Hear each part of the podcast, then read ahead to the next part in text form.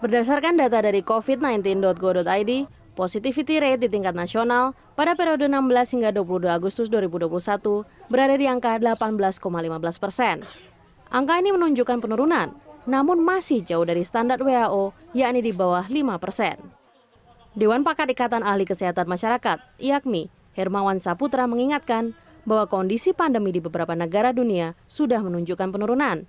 Bahkan Organisasi Kesehatan Dunia WHO menyebutkan virus corona bisa menjadi penyakit endemik. Lalu apa perbedaannya? Hermawan menjelaskan terdapat istilah epidemik, pandemik, endemik, dan hyperendemik. Epidemi adalah kenaikan penyakit secara serentak di suatu wilayah yang sifatnya wabah. Jika penyebarannya meluas masif dan melanda seluruh dunia, berdampak pada ekonomi, sosial, dan politik, maka disebut pandemik. Saat ini dunia masih berstatus pandemik COVID-19 sejak Maret 2020. Pandemik bisa berubah menjadi endemik. Endemik adalah suatu kondisi penyakit yang bertahan di suatu wilayah tertentu namun sudah terjadi penurunan. Namun ada istilah hyperendemik. Hal ini terjadi jika WHO menentukan pandemi sudah menjadi endemi, namun angka kasus positif di suatu negara masih tinggi.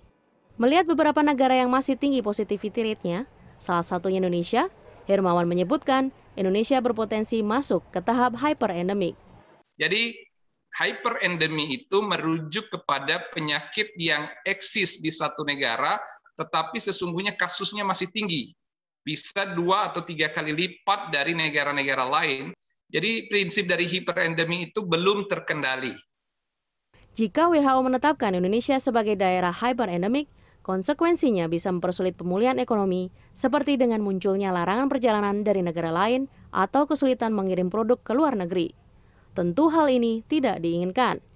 Hermawan pun mengingatkan hal ini harus diantisipasi dengan penanganan yang tepat dari pemerintah dan juga kesadaran dan ketaatan masyarakatnya. Jadi hulu persoalan dalam penyakit menular itu ada di masyarakat.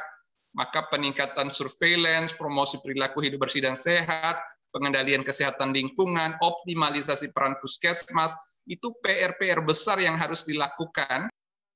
Juru bicara vaksinasi COVID-19, Siti Nadia Tarmisi mengatakan, upaya penurunan kasus COVID pun sudah dilakukan dengan protokol kesehatan 3M dan juga tindakan 3T, tracing, testing, dan treatment.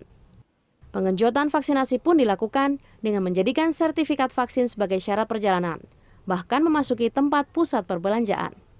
Nah, untuk kemudian memonitoring, memastikan, dan tentunya memudahkan ya untuk kita saling menjaga, maka tadi adanya protokol-protokol kesehatan yang kita integrasikan dengan teknologi informasi di tempat-tempat pelayanan publik. Karena kita tahu resiko penularan itu akan banyak terjadi di tempat-tempat pelayanan publik. Karena masyarakat itu sering berinteraksi ya di tempat-tempat pelayanan publik. Nah, salah satunya tadi adalah adanya eh, aplikasi eh, yang kita integrasikan dengan eh, sistem peduli lindungi.